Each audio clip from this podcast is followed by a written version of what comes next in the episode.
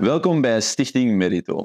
Met Stichting Merito hebben we voornamelijk als doel om ideeën naar buiten te brengen die beter bestuur en welvaart mogelijk maken in Vlaanderen. En nu het woord aan Evan. Een van de belangrijke discussies die we met ons allen moeten hebben, gaat over de kerntaak van de overheid. Wat is nu de essentie dat de overheid moet doen? Wel, er zijn een aantal evidenties. We hebben een kader nodig, een aantal pijlers waarop een gezonde maatschappij kan gebouwd worden. En dan hebben we het natuurlijk over zaken zoals justitie, landsverdediging. Echt de fundamenten waar geen andere speler dan de overheid uh, een rol kan in, innemen. Um, maar er zijn ook verschillen tussen landen. Sommige landen hebben een model waarin uh, bijvoorbeeld de priva de, er een grotere rol is voor private spelers in de gezondheidszorg. Bij ons wordt dat meer ook als het domein van de overheid gezien. Nu, als daar een grote maatschappelijke consensus over bestaat, dan is dat misschien zo. Maar ik wil daar toch een kantlijn of een nuance bij plaatsen. In ons land gaat er 40 miljard naar volksgezondheid. Wel, daar zijn een aantal echte hardcore kerntaken van de overheid bij. Overigens is dat onder meer een pandemiebestrijding. Geen andere speler dan de overheid kan daar echt de coördinerende rol opnemen in een pandemie. Maar er zijn heel wat andere zaken die vandaag gebeuren binnen dat grote huis van de volksgezondheid, waarvan we misschien wel zeggen die zijn interessant, maar horen die per definitie altijd in alle omstandigheden en voor altijd tot de kerntaken van de overheid? Nee, er zijn een aantal programma's die misschien de overheid een bepaalde periode kan stimuleren, ondersteunen, maar dat is daarom nog geen kerntaak van de overheid. Geef graag het voorbeeld van de preventie, het idee bijvoorbeeld van gezondheidscoaches. We willen dat stimuleren dat mensen een persoonlijke gezondheidscoach hebben als dat het verschil kan maken voor een gezondere levensstijl bijvoorbeeld. Waarom niet?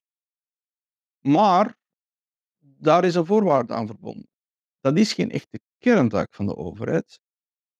Maar de overheid zou daar misschien een tijdje ondersteuning aan kunnen geven, onder voorwaarde dat dat echt onderbouwd kan bewezen worden, dat de maatschappelijke waarde, de maatschappelijke voordelen van die interventie opwegen tegen de kosten. En dus de, de lat voor evaluatie ligt voor dat soort zaken die niet kerntaken zijn, maar, maar wel interessant kunnen zijn, hoger.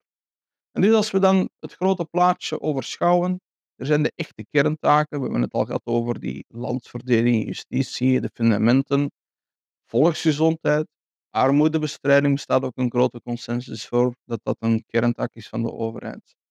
Er zijn meer de intermediaire functies. We spreken over, ja, zijn er geen monopolietendensen? Um, moeten daar niet meer een aantal maatregelen genomen worden om gezonde concurrentie te vrijwaren? Er is zoiets als de mededingingsautoriteit. Er is noodzaak, uh, bijvoorbeeld kijk naar de financiële crisis, naar een zekere financiële regulering. Er zijn een aantal fenomenen die we externe effecten noemen, zoals milieuvervuiling en dergelijke, waar ja, het spontane functioneren van ondernemingen misschien te weinig aandacht hebben voor het ecologische verhaal, daar kan de overheid in interveneren. Er zijn dan ook een derde pijler van wat men noemt sturende functies van de overheid. Dat is al heel wat controversiëler. Dan gaat het echt over de overheid die tussenkomt in de processen van de economie. Men gaat zogenaamd industrieel beleid hanteren, waarbij, we, uh, waarbij men een richting probeert te geven aan de economie. En de vraagstukken zoals uh, de klimaatverandering zegt van daar houdt de markt onvoldoende spontaan rekening mee. De, het is niet aan de overheid om bedrijven te beginnen uit te baten, maar ze kan via industrieel beleid innovatie ondersteunen, een aantal uh, ja, subsidiëringen van activiteiten en dergelijke uh, misschien daar een belangrijke rol in spelen. Dat is mogelijk, maar helemaal niet zo eenvoudig. Denk aan het vraagstuk, de markt kan vallen, maar de overheid kan ook vallen, kan ook foute inschattingen maken. En we kunnen ook te ver gaan. We kunnen ons ook verliezen. We hebben in de coronatijd heel veel discussies gehad over we moeten de maatschappij meer een digitale push geven. En dan is er de overheid bijvoorbeeld geweest die met een zogenaamde quick scan kwam. Een federale minister die zei, ik heb een aanbod aan de bedrijfswereld. De overheid uh, ambtenaren kunnen u helpen bij het doorlichten van uw digitale processen en daar adviezen rond verlenen. Dan denk ik van ja, dat klinkt weer zo sympathiek. Stelt er zich iemand de vraag of dat eigenlijk niet een taak kan zijn van de private sector? Er zijn zoveel private bedrijven die actief zijn in dat segment. Waar is de meerwaarde dat de overheid daarin optreedt? En dus zou ik ook toch altijd de uh, les willen hanteren van wees aandacht voor het verglijden van activiteiten van weg van de kerntaak.